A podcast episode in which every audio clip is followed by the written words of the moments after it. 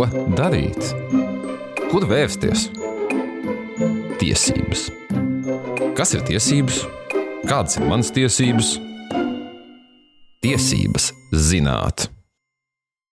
Laipni lūgti Delfi TV raidījumā Tiesības zināt. Esmu tā vadītājs Kārlis Arājs. Ik katrs ir dzirdējis par apdrošināšanu. Visbiežāk gan brīdī, kad pie ārsta tiek teikts, jums apdrošināšana būtu, taču jāatzīst, ka ir daudz un dažādi apdrošināšanas veidi, kuros iespējams arī apjukt. Tāpēc, lai labāk saprastu, kas tieši ir apdrošināšana, ko ar to darīt un kāda tipa ir vajadzīga kurā brīdī, studijā esmu aicinājis Latvijas apdrošinātāju asociācijas prezidentu Jāni Abāšinu. Sveiki! Labrīt. Nu, pirmais jautājums tāds laikam filozofisks un uh, plašs, bet kādiem cilvēkiem vispār vajadzētu domāt par apdrošināšanu? Kādiem? Kādiem vai visiem, vai nevienam, vai daļai? Nu, varbūt tādam galīgi mazam rūķim, varbūt apdrošināšanu viņš vēl neaizdomājās, protams, bet arī tajā mirklī viņa vecāki par to var aizdomāties. Jo principā tas apdrošināšanas teiksim, pakalpojumu spektrs ir no A līdz Z, sākot no, no tādiem pat vēl nedzimušiem un beidzot ar senioriem, kuri ir ielikumi kuri jau tā kā lēnām aiziet teiksim, no mūsu pasaules. Tas spektrs ir no līdzi, ja tā var izteikties, un tās vajadzības, teiksim, nu, ko apdrošināšana sedz, arī ir no līdzi, sākot tur, nezinu, no jūsu pieminētās veselības apdrošināšanas, beidzot ar nezinu, dzīvības nelaimes apdrošināšanu, nekustamie īpašumi, mašīnas, motocikli. Nu, Pilnīgi viss. Jūs jau sākat ieskicēt, varbūt tad varam pat tā vispusē ieskicēt, kādi ir tie galvenie, varbūt apdrošināšanas veidi, ar ko cilvēki ikdienā varētu saskarties. Nu, sāksim ar to, ka mēs varam tos apdrošināšanas veidus sadalīt teiksim, tādos divos blokos. Teiksim. Viens bloks ir tas, kas attiecās vairāk uz dzīvības apdrošināšanu, kurā būtu attiecīgi dažādi dzīvības apdrošināšanas veidi, un otrs bloks ir attiecīgi tāds, nu, sauksim to par riska apdrošināšanas veidiem, kur ir viss tas, kas ir saistīts ar nekustamiem īpašumiem dažāda veida dzelžiem, plasmasām un, un, un tādām lietām. Un tad pa vidu ir tādi daži apdrošināšanas veidi, kas var būt abās pusēs. Nu, tas ir veselības apdrošināšana, varbūt abās pusēs, un nelaimes gadījuma apdrošināšana var būt abās pusēs. Principā šie divi veidi. Ja mēs skatāmies citādi uz to lietu, nu, tad ir tādi lielāki bloki, kas saistās teiksim, ar nekustamiem īpašumiem un kustamiem īpašumiem, kas ir auto un nekustamie īpašumi. Ja mēs skatāmies uz Tad ir vesels bloks ar civiltiesiskajām atbildībām, kad teiksim, eh, apdrošinātājs, ja es savāru ziepes, vienkārši izsakoties, tad apdrošinātājs ir tas, kas manā vietā par to visu samaksā.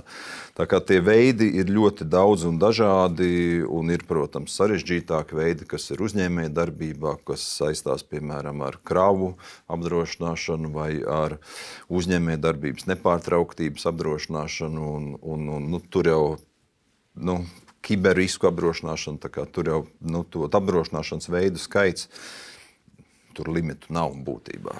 Nu, skaidrs, tad iesim varbūt pa punktiem. Nu, tā, Jā. ar ko visbiežāk laikam, cilvēks saskatās, ir tā veselības apdrošināšana. Nu, gan arī katrs darbs tur piedāvā nu, kaut kādā veselība formā. Veselība vai OCTA, kas ir praktiski katrā mašīnā, kā obligāta. Nu, jā, bet sāksim ar veselības. Jā. Ko tā sevī ietver un ko tā varbūt atšķirās no dzīvības? Jo it kā jau veselība ir cieši saistīta ar dzīvību. Jā, ļoti tuvu, um, nu, tā filozofiski tuvu, bet dzīvē diezgan atšķirīga. Dzīvības apdrošināšana būtībā maksā par to, ja es aizēju viņa saulē, policējiem tiek izmaksāts kaut kas. Savukārt veselības apdrošināšana ir tā, kas sedz manus medicīniskos, manus, teiksim, medicīniskos izdevumus, kas nozīmē to, ja es eju pie ārsta, veicu kaut kādus izmeklējumus, tad tas ir attiecīgi attiecās visu uz veselības apdrošināšanu. Dzīvība, Tas, ja ar mani kaut kas notiek, tad attiecīgi policējiem kaut kas tiek izmaksāts. Mm, bet veselības apdrošināšanai, piemēram, tiek vērtēta tā cilvēka veselība, tad, ka, tad kad brīdī, kad viņš slēdz, vai arī tas netiek ņemts vērā? Ja mēs skatāmies uz darba kolektīviem, tad cilvēka veselība netiek ņemta vērā individuāli cilvēki, jo tad apdrošinātājs paļaujas uz tādu nu, kolektīva izlīdzināto veselības stāvokli, sauksim tā, jo kolektīvā var būt nezinu, 150 tūkstoši cilvēku, un tad attiecīgi katram no šiem darbiniekiem pajautāt par viņa veselības stāvokli, nu, tā ir neiespējama misija un tas ir ļoti dārgi. Līdz ar to, ja pērk darba devējs, tad apdrošinātājs ņem kaut kādu vidējo, teiksim, savu statistisko rādītāju. Ja cilvēks pērk individuāli eh, veselības apdrošināšanu, kas Latvijas, Latvijas tirgū tik bieži nemaz nenotiek, visā Latvijā ir aptuveni 2000 plus mīnus uh, individuālo veselības apdrošināšanas polišu. Tātad, ja cilvēks pērk šādā veidā individuāli, tad gan apdrošinātājs šo cilvēku var noskanēt mazliet nopietnāk, tur palūgt viņam aizpildīt kaut kādu anketiņu. Vai, teiksim, ja tur ir runa par kaut kādām ļoti nopietnām summām, tad arī varbūt aizsūtīt uz kaut kādām palūk, kaut kādas analīzes un tam līdzīgi. Tas pats attiecās uz dzīvības apdrošināšanu. Tur arī tas pats var būt, ja jūs pirksiet dzīvības apdrošināšanu par summu, nezinu, 20, 30, 50 tūkstoši, ir viens stāsts tad diez vai apdrošinātājs jums daudz jautājumus uzdos, iedos vienkāršu anketiņu, bet ja jūs iesiet un apdrošināsiet savu dzīvību, gribēsiet apdrošināt par miljonu vai diviem miljoniem eiro, nu, tad apdrošinātājs var lūgt jūs aiziet, iziet kaut kādā ārsta komisijā, lai pārbaudītu jūsu veselības stāvokli. Tā kā viss būtībā ir atkarīgs no tā, vai tas ir kolektīvs līgums vai tas ir attiecīgi individuāls līgums. Jā, par dzīvības apdrošināšanu runājot, es saprotu, ka ir divi vei, vairāki veidi. Viens ir parastā, un ir arī tāda uzkrājuma. Varbūt mm. varat pastāstīt arī, kas ir tā atšķirība. Diezgan bieži jautājums arī dažādos internetu fórumos. Parastā ir tā, ko es jau piesaucu. Ja es aizēju viņa saulē, tad policēji saņem nezinu, summu X, pieņemsim, 50 tūkstošus. Neparastā vai ar uzkrājumu tas ir attiecīgi tad, ja šai parastajai klāt nāk šis uzkrājuma faktors, kas nozīmē, ka no jūsu ikmēneša, ik ceturkšņa, ik gada iemaksām šī uzkrājošajā vai teiksim, šī dzīvības apdrošināšanā, attiecīgi kaut kāda daļa no šīs summas tiek uzkrāta. Respektīvi, tas, ko jūs iemaksājat apdrošinātājiem, viena daļa aizies, lai sektu šo risku par šo nāvi, otra daļa attiecīgi aiziet uz uzkrājumu. Tas uzkrājums attiecīgi līguma darbības laikā strādā, ja tirgi iet uz augšu ir ļoti jauki, tad attiecīgi šis uzkrājums kaut ko smuki nopelna. Ja tirgi krīt, nu, tad attiecīgi šis uzkrājums parasti krīt kopā ar tirgiem, jo šie uzkrājumi mēdz būt divu veidu. Ir garantētais uzkrājums, kas parasti ir ļoti zems, 1-2%, un ir attiecīgi uzkrājuma veids, kas seko tirgumu. Nu, tad tas uzkrājums, kas seko tirgumu, ir riskantākais, jo tur attiecīgi nu, tas tirgus funkcionē. Garantētais, nu, tad, tad ir skaidri, apdrošinātājs garantē to 1-2%, nu, tad tas tur konstanti arī visu laiku uzkrājās. Un cilvēki parasti ņem, nu, ja dzīvības, tad tas ir veselības arī vienlaikus. Tad vajag abas apdrošināšanas paralēli. Tāda, nu, jo viena nesadz otru. Ja? Vi, jā, tās ir divas dažādas, un viena otru nesadz. Viena otru būtībā šis, šī apdrošināšanas veidi papildina. Dzīvība ir dzīvība, veselība, tie medicīnas izdevumi. Un, un, nu, klasiski jau, protams, vajadzētu skatīties uz abiem. Un, un, diemžēl Latvijā dzīvības apdrošināšana ir samērā Nu, ja salīdzinām ar veco Eiropu, tad tur dzīvības apdrošināšana aizņem lielāko daļu teiksim, no kopējā apdrošināšanas tirgus, savus 50, 60, vietām pat 70%, un tikai 30% paliek tiem dzelžiem un nekustamajiem. Tad Latvijā mūsu dzīvības apdrošināšana šobrīd ir aptuveni 20% no kopējā tirgus. Nu, tas arī norāda uz to, vai arī daļai skaidro to, kāpēc mums ir lielas rindas pie sociālajiem dienestiem un pašvaldībām, tad mirklī, ja kaut kas notiek. Tā kā mums vēl šī dzīvības novērtēšana un, un, un e, tas, ka mēs būtībā dzīvību vajadzētu vērtēt augstāk nekā to dzelzi vai, vai, vai nekustamo, nu, pie mums līdz tam vēl mazliet ir jāizaug. Bet nu, pamazām tas dzīvības apdrošināšanas īpatsvars tirgu aug. Nu, es ceru, ka nu, pēc gadiem 510 tiksim līdz 30% vai vismaz 25%. Dzīvības apdrošināšana, cik ātri, teiksim, ja cilvēks nomirst, viņa tiek izmaksāta? Nu, vai var paspēt, vai jau bēdas nosakt ar to? Tu... Klasiski es domāju, ka nu, ir vēl tāds dzīvības apdrošināšanas veids, kas tieši ir tēmēts bērnu izdevumiem. Tad tur tas notiek, tam ir jānotiek. Tas produkts ir veidots tā, lai tas tieši uz bērnu izdevumiem arī tas viss trāpītu. Ja tas apdrošināšanas veids nav šis mm, bērnu izdevumu sekšanai domātā dzīvības apdrošināšana, tad, protams, tas var būt arī nezinu, nedēļa, divas, trīs pēc cilvēka aiziešanas. Bet nu, katrā ziņā tikko tā mantojuma masa un tas mantotājs ir zināms, teiksim, kas saņem tās atlīdzības, tad, tad apdrošinātājs tur garā, garumā nekādīgi nevēl. Apdrošinātājiem nav interesi tur nedēļu uz vienu vai otru pusi. Apdrošinātājiem jāpilda savas saistības, punkts. Viss. Un, bet vai dzīvības apdrošināšana sadz arī dabisko nāvi no, no, no vecuma, piemēram, ja cilvēks aiziet mūžībā? Tur ir dažādi apdrošināšanas veidi. Var sekt arī dabisko nāvi, un var sekt arī pir, pirmslaicīgu nāvi. Tur ir jā, jārunā ar apdrošinātāju, kādu apdrošināšanas veidu jūs vēlaties, un, un, un tādu attiecīgi arī iegādājaties. Mm -hmm. nu, apmēram mēs sākam sap, saprast, kas notiek ar cilvēkiem. Pāriesim tagad arī nedaudz pie mantām. Mm -hmm. nu, pirmkārt, es pats esmu cilvēks bez autovadītāja tiesībām, tāpēc man uzreiz ir jautājums, kāda, kāda ir atšķirība starp okta un uh, kasko, kas ir divi tie lielie apdrošināšanas veidi. Un...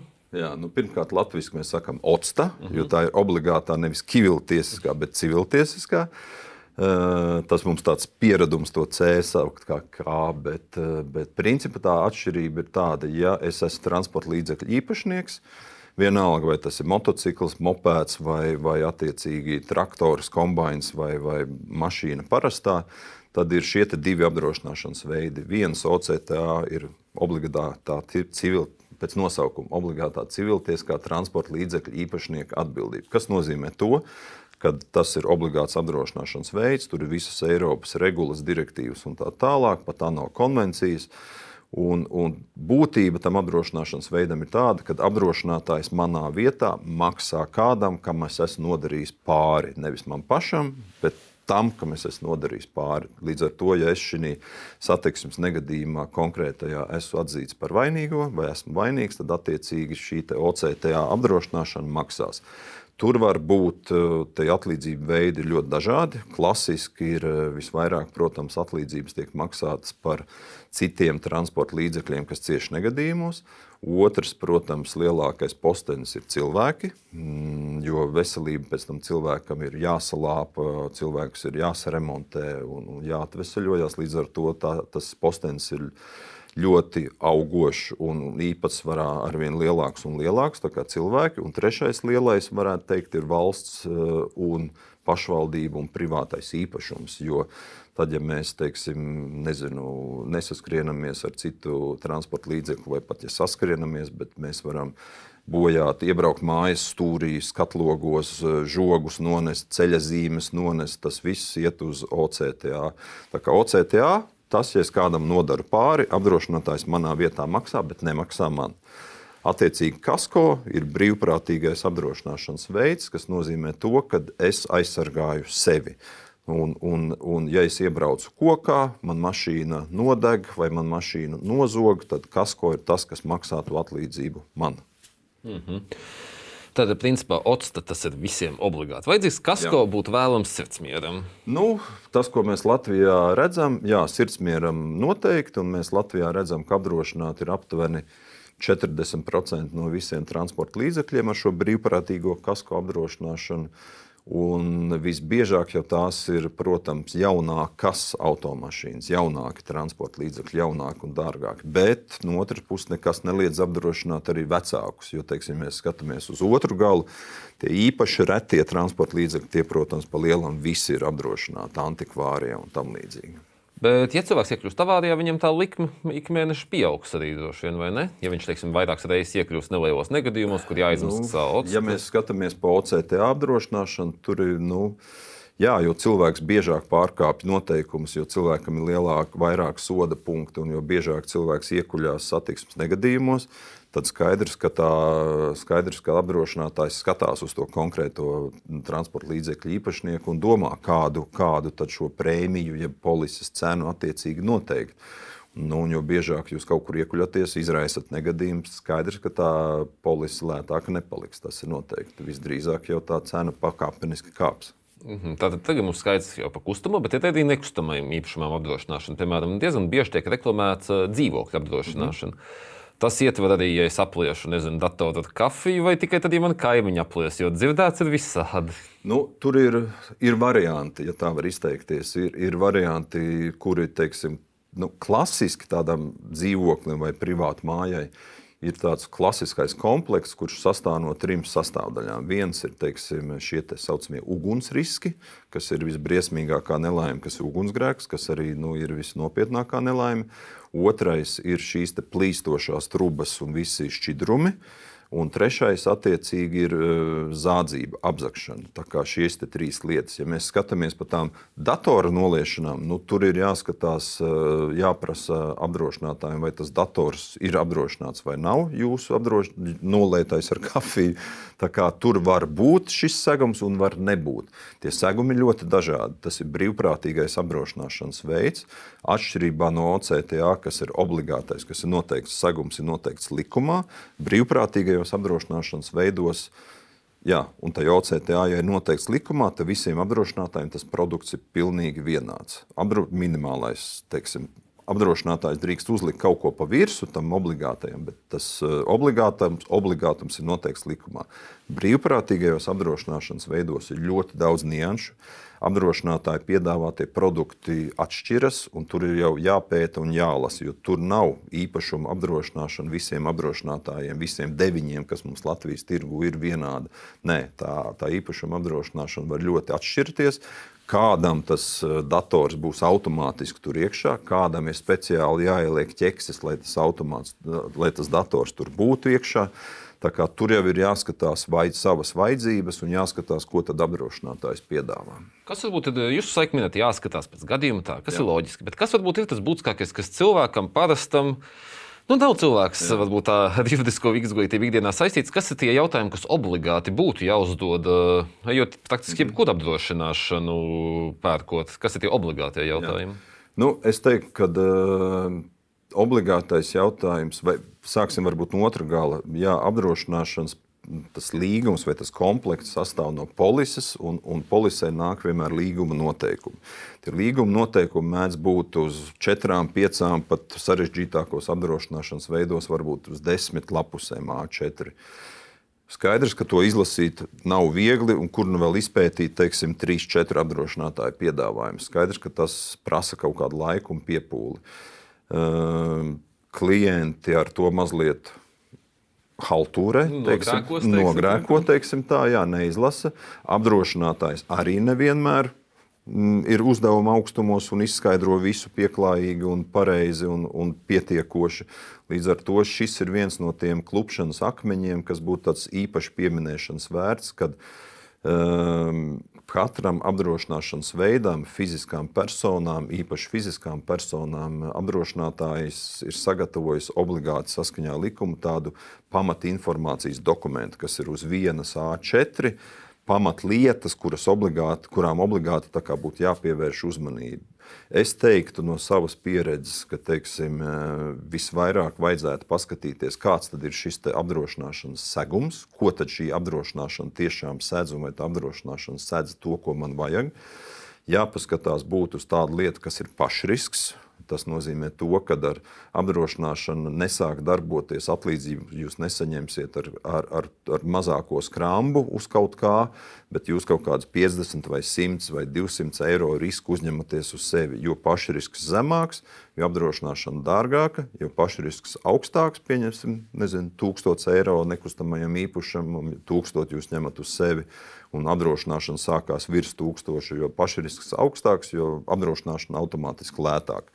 Tā kā pašrisks noteikti ir viena lieta, un trešā lieta, es teiktu, tie ir galvenie izņēmumi, jo katrai apdrošināšanai praktiski nāk kaut kādi izņēmumu sarakstīns līdzi, un tos vajag paskatīties, šos galvenos izņēmumus. Tā kā, ja jūs paskatīsieties šīs trīs lietas, izņēmumus, attiecīgi segumu un, un, un, un trešais man jau pazuda. Jā, pašrisks lietas, tad, eh, tad jau tas būs samērā daudz. Es teiktu, ka tās ir tās pamatlietas, kurām noteikti vajag pievērst uzmanību. Ja, bet, ja cilvēkam ir aizdomas, ka nu, līgums sedz Jā. kaut kādu ne negadījumu X, bet apdrošinātājs saka, nē, nesedz. Kur vērsties cilvēkam, vai ir kāda iestāde, kas to risina, vai pat aiznos tiesu ir jāiet?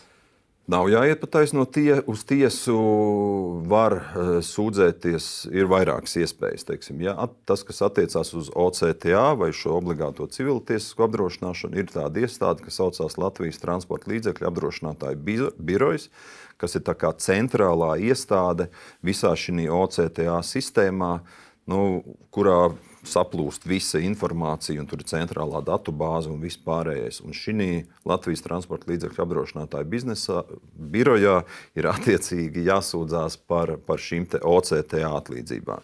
Par brīvprātīgajiem apdrošināšanas veidiem Latvijas apdrošinātāja asociācija ir ombuds. Varam vērsties attiecīgi ombudā. Tā kā būtībā divi ceļi - OCTA uz transporta līdzekļu apdrošinātāju biroju un attiecīgi par brīvprātīgajiem veidiem griežamies, visi citi veidi griežamies asociācijas ombudā. Mm. Jūs jau minējāt, ka tam tikai tiesa. nu, tiesa parasti ir tas pēdējais. Nu, tiesa ir pēdējais, jā, un tas, diemžēl, aizņem visilgāko laiku. Tā kā principā es teiktu, pirmais noteikti ir pašiem uh, pastrīdēties ar apdrošinātāju, mēģināt pierādīt savu taisnību, cik mēs spējam. Otrais ir attiecīgi vai nu OCTA veidā uz šo LTAB, transporta līdzekļu apdrošinātāju biroju, vai uz asociācijas ombudu. Jūs jau minējāt, ka jāizlasa visu rūpīgi, bet varbūt ir kādas biežākās kļūdas, ko cilvēki pieļauj, neskaitot to neizlasīšanu, nu, izvēloties savu apdrošināšanu. Nu, kļūdas mēdz būt diezgan daudz. Cilvēks izvēlās uh, nepareizu segumu. Nu, ņemsim piemēru, teiksim, nepareiza geogrāfija arī mēdz būt. Nu, ņemsim kaut vai ceļojumu apdrošināšanu, kas ir, nu, ja mēs ceļojam uz ārzemēm, tad mēs šo ceļojumu apdrošināšanu par, parasti nopērkam.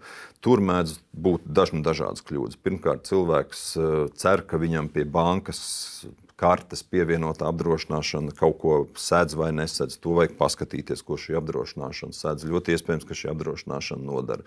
Bet ļoti iespējams, ka šī apdrošināšana nesedz nezinu, slēpošanas, novošanu kalnos vai, vai niršanu zem nu, ūdens. Jā, kaut ko nopietnāku. To noteikti jāpaskatās. Tad ir jāpaskatās geogrāfija. Tā pašā ceļojuma apdrošināšanā mēs varam dodamies uz Rietumu Eiropu, bet nopērkam apdrošināšanu tikai Baltijas valstīm, vai dodamies uz ASV, bet esam nopirkuši apdrošināšanu Rietumu Eiropai.